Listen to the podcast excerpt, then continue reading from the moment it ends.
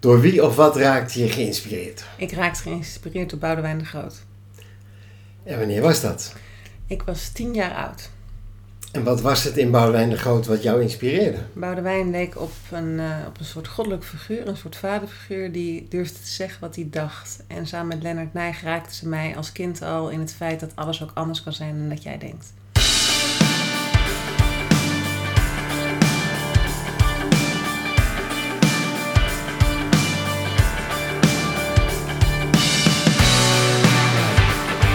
Dit is Luister je gelukkig.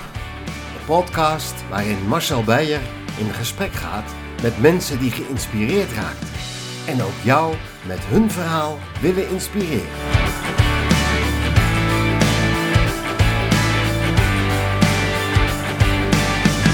Oké, we zitten hier met Suzanne van der Laar. En Suzanne van der Laar die, ehm, ja, die heeft een hele bijzondere functie. Daar gaan we het zo even over gehad hè, in, in je leven. Je hebt meer, doet meer dingen. Maar ik wil eerst even over dat Boudewijn de Grote ingaan. Van, ehm, nou ja, troubadour, protestzanger. Was dat protest ook wat, wat je aansprak? In, Ik hè? denk dat dat, aan, dat dat hetgene was wat me aansprak. Het is ook heel grappig dat het op mijn tiende naar voren kwam. Het was het jaar dat ik eh, voor het eerst in mijn eentje weg werd gestuurd. Ik ging naar het buitenland. En ik moest er voor mezelf op gaan komen. En toen eh, luisterde ik eigenlijk dag en nacht naar het liedje Verdronken Vlinder. Want eh, ja, je hoeft als mens geen vlinder te zijn. Je mag jezelf zijn. En dat Ja. is eigenlijk mijn houvast geweest. En nog steeds.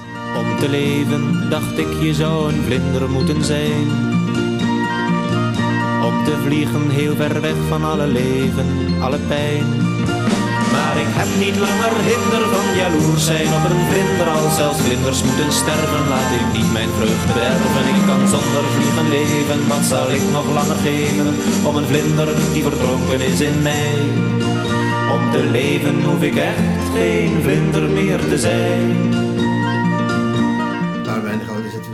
Iets uit, uit de jaren 60 en 70. Hè? Dat, eh, met, ja, jij hoort daar niet bij. Hè? Ik Jij bent veel jonger natuurlijk. Nee, ik hoor er niet bij. Maar Nee. ik pas nergens in. Dus ik hoef daar ook niet bij te horen. Nee, maar, maar, maar heb je dat met je ouders meegekregen, Boudewijn de Groot? Kende Nee, je hem daarvan? Nee, Of- ik kende hem ervan omdat ik op het moment dat ik in de taxi zat naar het vliegveld toe om naar Zwitserland te gaan, draaide de taxichauffeur dat nummer. Ah, oké. En toen kwam die binnen. Dat was niet voor niets waarschijnlijk. Hè? Dat, dat, Dat zei denk ik niet. Dat, ik Nee. denk, het voelt echt voor mij als zijnde van, nou, het is gewoon een lied wat bij mij binnenkomt. En toen ben ik in ja, de troubadours en in de protestzangers gaan kijken, wat vind ik nog meer fijn. Ja. En heb je er meer in die lijn die jou uiteindelijk... eh Die mij uiteindelijk... eh, ja, Armand of zo? Of, eh, Nee, dat dan weer niet. Het was Nee. echt Boudewijn de Groot pakte me aan. Stef Bos later, die kende ik dan ook gedeeltelijk persoonlijk. Met eh, zijn nummer vooral Is dit nu later, als ik groot ben. Ja. Vond ik een heel fijn nummer. Dat was weer een andere periode in mijn leven.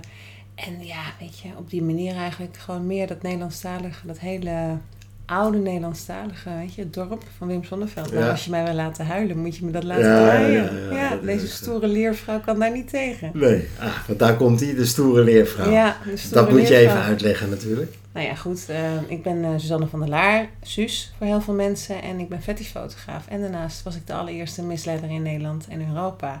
En deed ik mee aan de titel International Misleider. Maar vanwege het coronavirus is dat niet doorgegaan. Dus nu zet ik me op andere manieren in. Op dit moment eh, voor de dakloze jongeren in Amsterdam. Ik zet me in voor een weeshuis in Kenia nog steeds. En nog steeds voor de LGBT HQI community. Ja, het wordt een steeds moeilijker die het afkorting. hele ja. alfabet. Ik ben natuurlijk ook eh, medeoprichter van de Windspreid Almere. Dus nu officiële stichting geworden. Dus nee, het gaat allemaal heel leuk. Mooie dingen aan het doen. la- laten we eens één voor één weer, want het is een heleboel. Laten we één voor één even behandelen. Je, je bent fetishfotograaf. Fetish is een soort, eh, ja, eh, nou omschrijf het zelf maar. Ik vind het altijd moeilijk om daar een definitie van te Probeer het geven. Nou, ik wou zeggen eh, ehm, iets afwijkends, maar dan weet ik al dat ik het fout zeg, want dat nee, is niet zeg waar. het niet af- Nee. fout. Vet is Nee. kan afwijkend zijn. Want Ja, wat maar ik dat klinkt fijn fout, vind. Hoezo klinkt het fout? Die stem Afwijkend klinkt alsof je, alsof je, alsof je Anders bent. Het nieuwe normaal is toch ook maar dat- anders?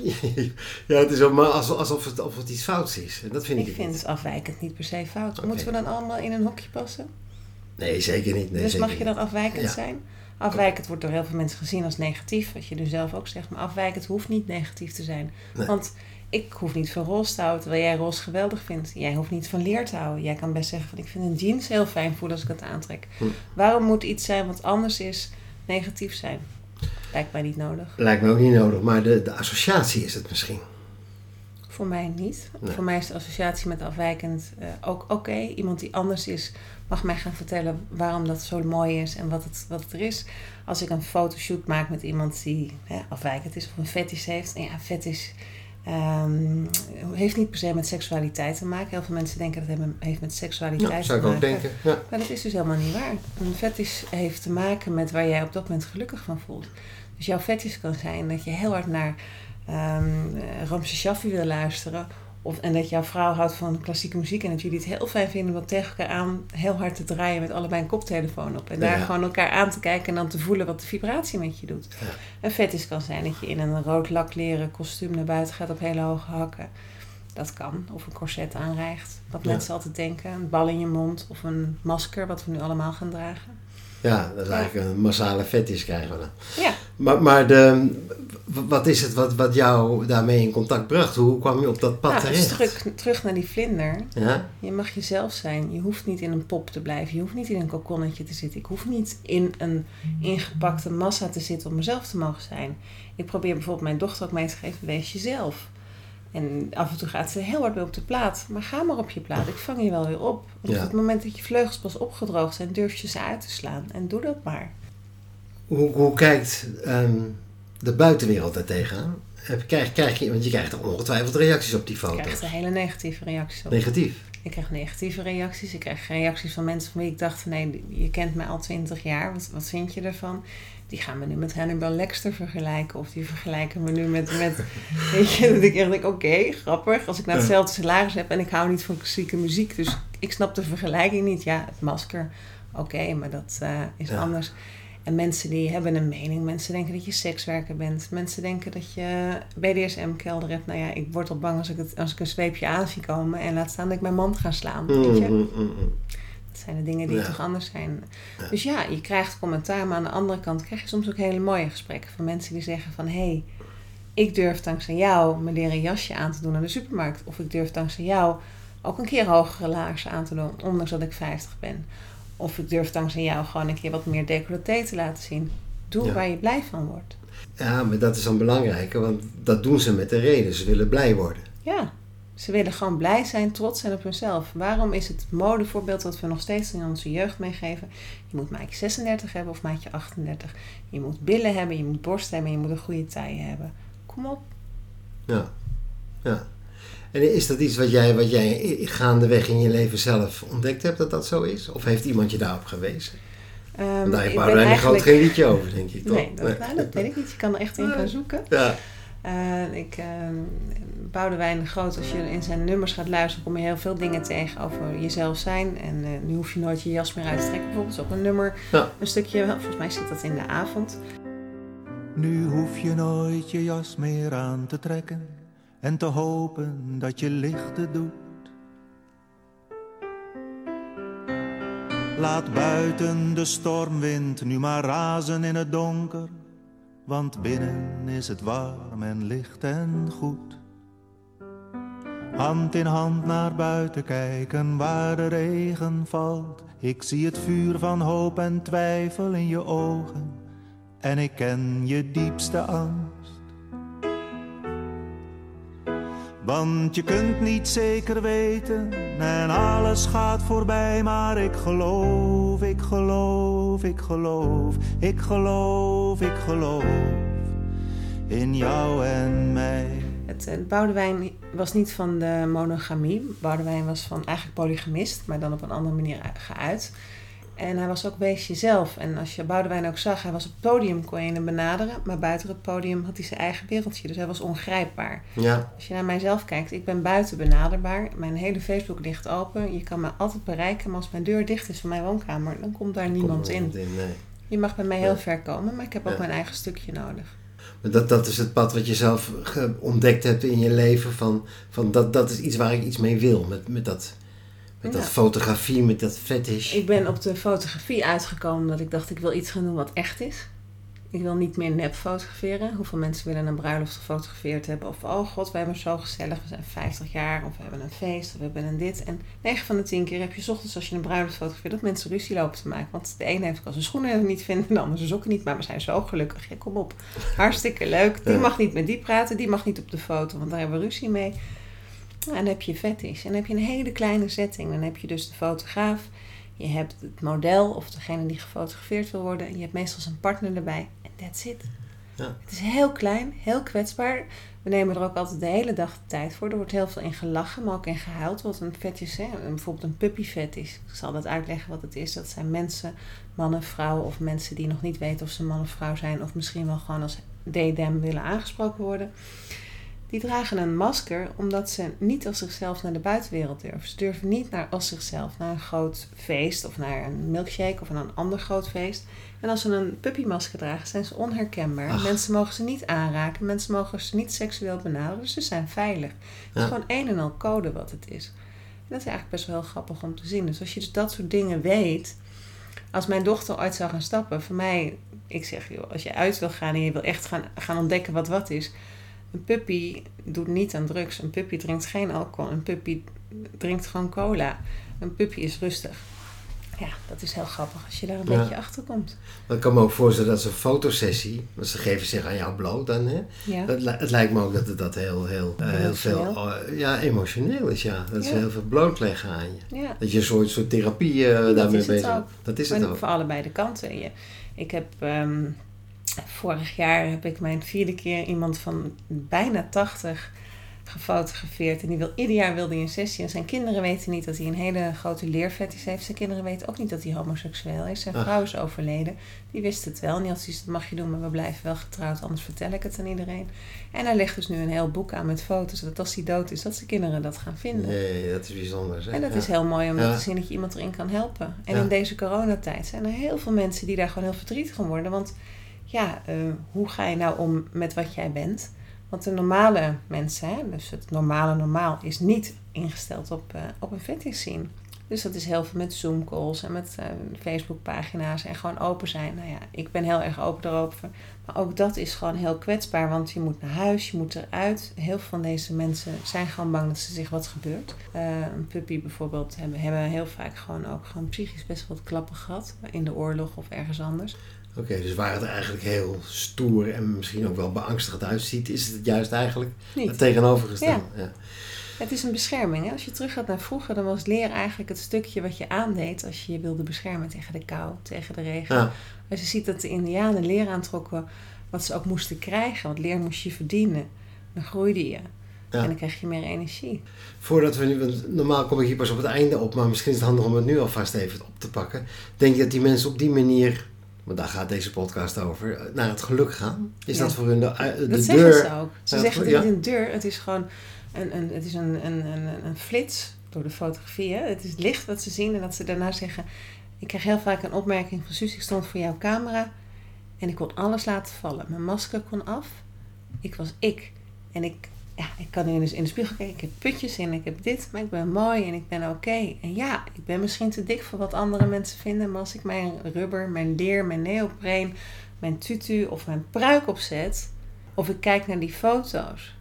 Ja, kom Dan worden ze gelukkig. Dan zijn ze gelukkig. Dan zijn ze terug in het moment. Ze worden niet gelukkig. Het, het is het stukje wat je op dat moment hebt. Dat je op dat moment gewoon gelukkig bent. En als je terugkrijgt, kan je dat stukje terugpakken.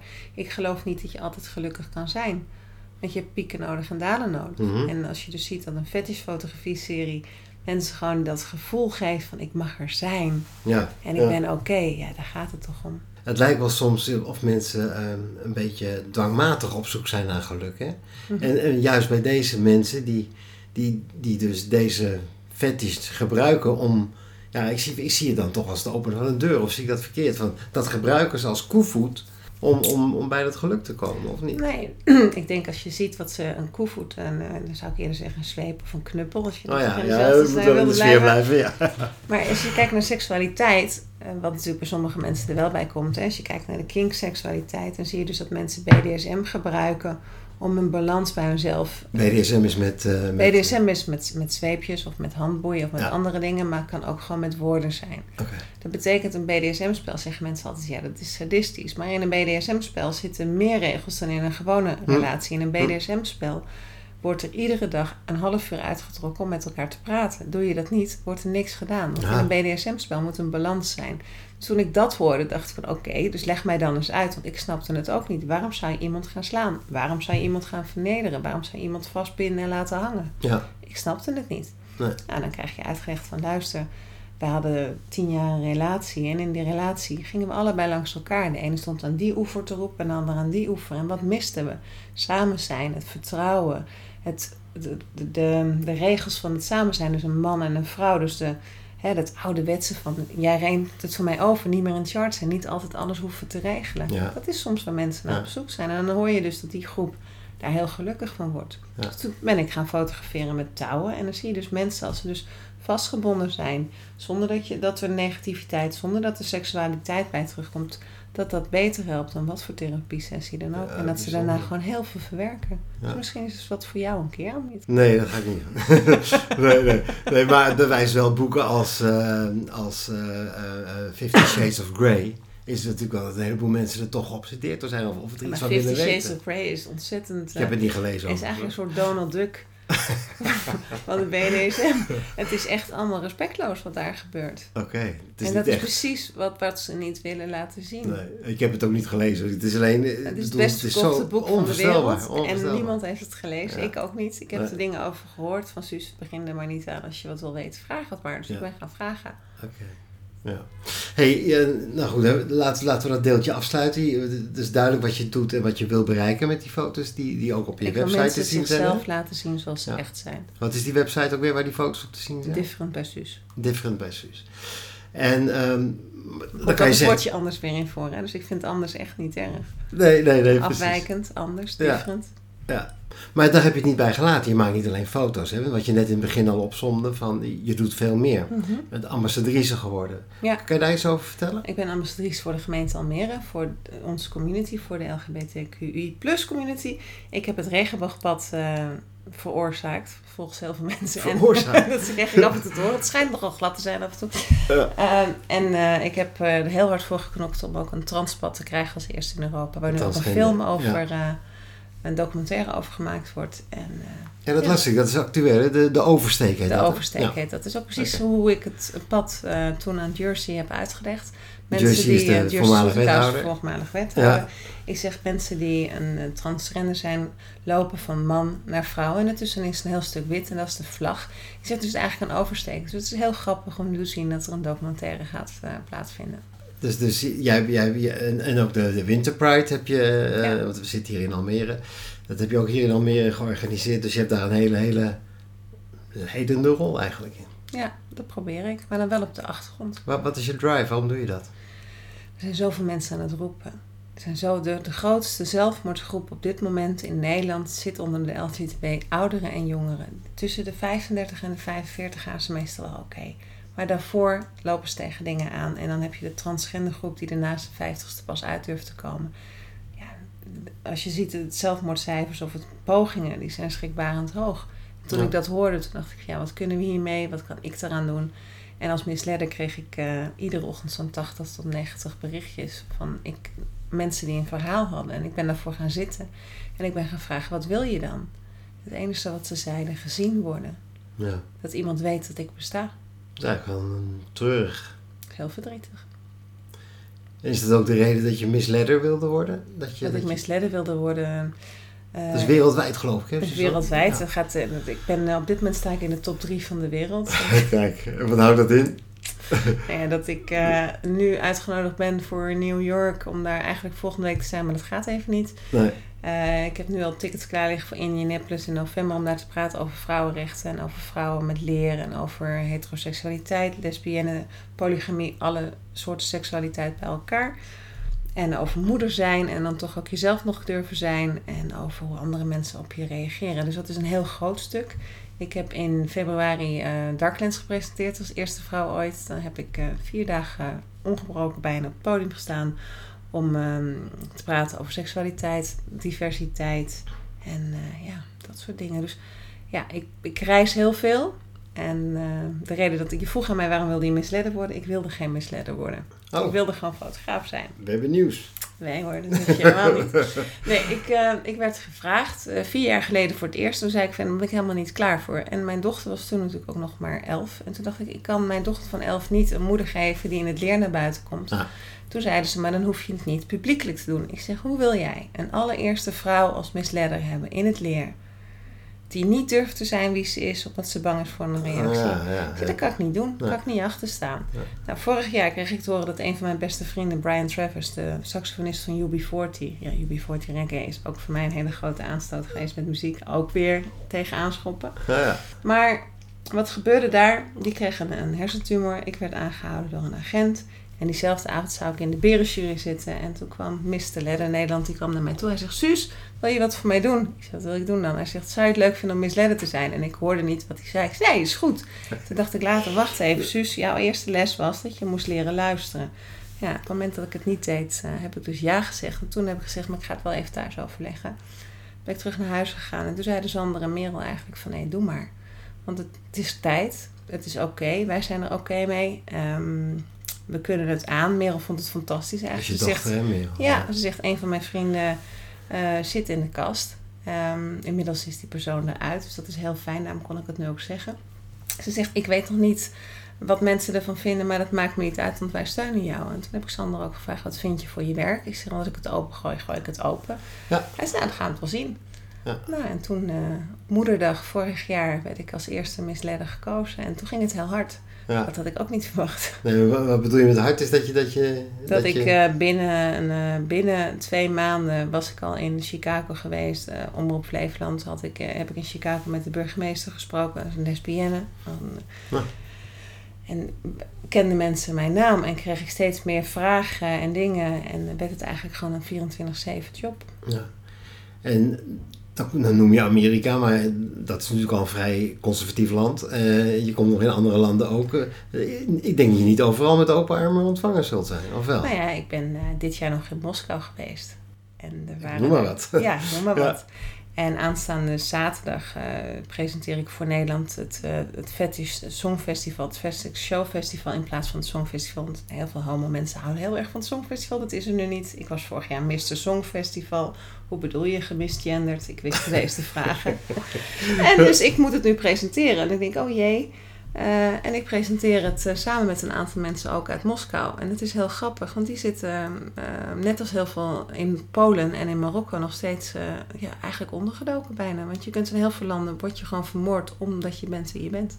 Maar, maar moet je dan ondergronds daar? Of, nee, je bent natuurlijk daar niet geweest. Ik ben in Moskou je bent geweest. wel geweest. Ik ben in Moskou geweest en ik had mijn Miss Leather jasje aan. Want ik heb heel vaak gewoon mijn jasje aan. Daar denk ik ook niet meer over na. Toen dacht ik, oh. Maar ik ben getrouwde vrouw, staat er in mijn paspoort. Ehm, en ja, het is gevaarlijk om daar... Dus je moet ook wel weten waar je niet en waar je wel naartoe gaat. Maar dat heb je in eh, gedeeltes van eh, Nederland ook. Als je hier in sommige buurten hand in hand loopt met een vrouw... of hand in hand loopt als man-man... of als polygamist leeft, heb je een probleem. Ja.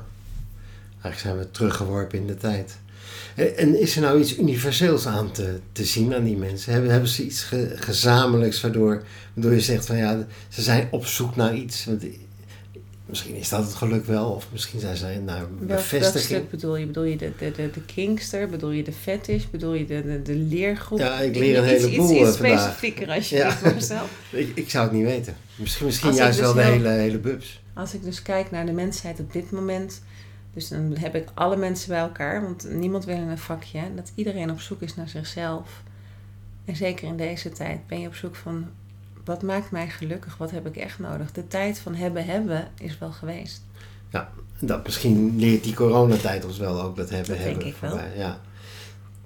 Ik weet niet of deze coronatijd voor de, voor de community een, een voorbeeld heeft. Wat ik wel heel erg merk is dat in deze coronatijd eh, de mensen die op dit moment niet, eh, hè, bijvoorbeeld, we, zitten nu in deze periode ook nog met de Ramadan. Eh, op dit moment zijn er in Nederland heel veel homoseksuele moslimjongeren die heel langzaam, doordat er met imams gepraat werd, naar buiten durfden te komen. Het moment wat er nu aan de hand is, dat wij vanuit allerlei hoeken weer te horen krijgen dat het niet goed gaat. Dus er worden gewoon jongeren gewoon weer omgeturd. Er zijn in Nederland nog steeds, de wet op bol.com vorig jaar boeken uitgegeven hoe je homoseksualiteit kon genezen. ja. Ehm, dat is op dit moment nu mensen binnen zitten, eh, niet alleen onder homoseksuelen of onder transgender mensen, maar ook onder heteroseksuelen. Het huiselijk geweld is groter dan ooit. Maar er zijn kinderen die, die, moeten, die, die, die komen niet in calls omdat ze gewoon opgesloten zitten in hun Ja. kamer. Ja, vreselijk. En er, zitten, er zijn op dit moment dus jongeren van 17, 18 die dus transgender zijn. Of jongeren die homoseksueel zijn of lesbienne zijn of, of biseksueel zijn. En dat aan hun ouders vertellen. Die gewoon niet meer naar buiten kunnen. En dat zien wij niet. Nee, dat is, dat is treurig. Dat is treurig. Ja. Ehm, en ook daar ehm, eh, heb je oog voor. En het, Ja, daar ben ik nu heel druk mee bezig. Ik werk nu samen met Hans Verhoeven en met Robbie. En eh, Robbie doet eh, een boterhammetje delen. Dat je dus een extra broodkap als je naar de supermarkt gaat. En als je Ja. naar buiten gaat, dat je een broodje uitdeelt. Want ook de daklozen hebben op dit moment geen eten. Want er waren gewoon geen mensen op straat. De winkels waar ze vroeger een gratis kopje koffie kregen, Ja. waren dicht. Klinkt, klinkt een beetje als, als, een, als een worsteling, hè? Wat, ik- wat ik proef. Dat, dat, dat er nog zoveel te winnen valt eigenlijk voor. Maar het is niet een worsteling. Het is juist iets heel moois. Dat we dus... Hè, we, we gaan zes treden naar boven. En we stappen er drie terug. En soms vier terug. Maar we klimmen wel steeds meer. Ja. Mensen worden wel wakker. En dat wij er nu over kunnen praten. Nou ja, maar ik, liep, ik, liep, ik was erbij bij die Pride. Hè? Ik heb meegelopen. En wat ik, wat ik merkte is, er lopen er een paar voorop. Die, die, die lopen met die vlaggen en eh, die lopen heel stoer te doen. En naarmate die achter gaat, dan lopen mensen mee. Die ook wel soms een beetje schuchter, zie je dan wel. Mhm. Maar van de zijkant hoorde ik best vervelende dingen eigenlijk. Ja. Ja, dus er is nog een hoop. En is het dan gewoon een kwestie van door blijven gaan? ja maar dat- Doordrammen om... om, om... Het is niet om te drammen. Vroeger moest je je, moet drammen. moest je, je hoeft niet te drammen, je moet het vertellen. Je moet lesgeven. Op het moment dat je gaat drammen, word je vervelend. En iemand die vervelend wordt, die zoekt ruzie. Het is een demonstratie. En Pride staat als demonstratie aangeschreven. Dus wij demonstreren voor het recht dat wij mogen zijn wie wij zijn. En ik re- demonstreer als vrouw, als moeder, als getrouwde vrouw, als heteroseksuele vrouw of als panseksuele vrouw, dat ik ben wie ik ben en jij mag zijn wie jij bent. Ja. Dus jouw mening, dat jij het niet oké vindt dat ik ben wie ik ben, is ook oké. En dat is het stukje wat wij heel erg duidelijk willen maken en wat ik heel erg uitdraag. Jij mag zijn wie jij bent, ik ben wie ik ben en dat we het samen niet eens zijn, maakt niet uit dat we een hekel aan elkaar hebben. Nou ja, goed, dan komen we eigenlijk weer bij de, bij de essentie van Boudewijn de Groot uit natuurlijk. Maar die, die kon toch aardig van leer trekken, hè? Die kon, die kon, die kon Ja, wel zeg Waarom maar. denk je dat ik van mijn hou? ik, ik heb nu geen leer aan. Ik heb Nee. nu gewoon katoen aan. En eh, voor aanstaande zaterdag ligt mijn leer wel klaar. Nee, ik, ik ik kan bedoel best drammen. Hij kon, hij kon drammen. Ja, hij Ik kon kan ook drammen. Ja, Ik kan ook drammen. Ik heb, ik heb binnen zes weken heb ik een pride hier in Almere kunnen regelen. Waar je eigenlijk een half jaar tijd voor moet hebben. Ja. Het, het pad kwam er niet. Het lukte niet. Ik heb er ook nog een transpad bij gekregen. Ja. Door alleen maar lief te lachen, het uit te leggen en het gewoon heel voorzichtig te vertellen. Waarom is het nodig? Wat win je ermee? Wat laat je ermee zien? Met alles wat je doet, Suzanne, eh, kan jij vertellen wat geluk is? Waar vind je het? Waar ik geluk vind, ik vind geluk in een klein dingetje. Ja? Ja, ik vond geluk van de week, liep ik buiten en ik zie twee van die hele kleine oortjes boven het gras uitsteken. En toen dacht ik, kijk nou, er lag een heel klein hertenjong. Ja, ja, ja. En ja. dat is geluk. Ja. Maar geluk is ook bijvoorbeeld dat je in de tuin zit en je kan gewoon een vers kopje thee en het is gewoon stil. Ja dat, vind ik, dat vind ik te gewoon. Eh, Vind je dat gewoon? Hoe vaak is het hier stil? Ik hoor een boormachine, ik hoor kinderen schreeuwen, ik hoor muziek. Wanneer is het stil? Is Ja, dat maar gewoon? wat mij zo fascineert aan jou, Suzanne, is dat jij, dat, jij, ehm, dat jij een heel duidelijk pad bent gaan volgen op zoek naar van hoe kan ik mensen helpen, hoe kan ik mensen nou, uit. dat stuk voor mij is geluk dan als ik, als ik echt gewoon helemaal gelukkig ben.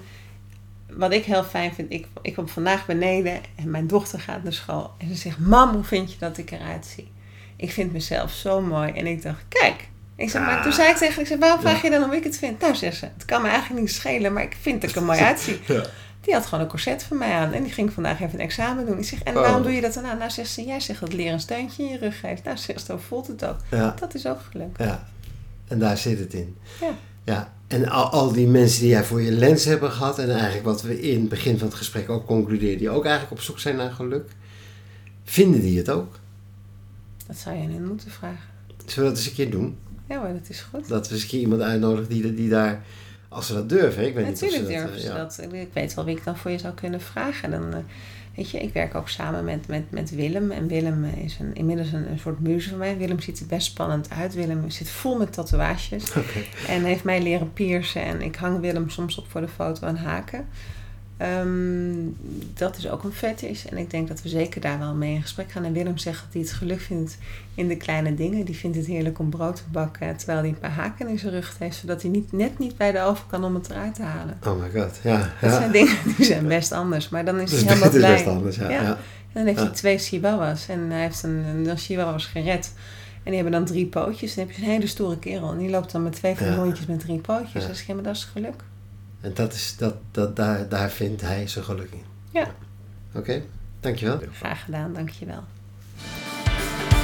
Heb jij ook een inspirerend verhaal? Laat het me weten via www.luisterjegelukkig.nl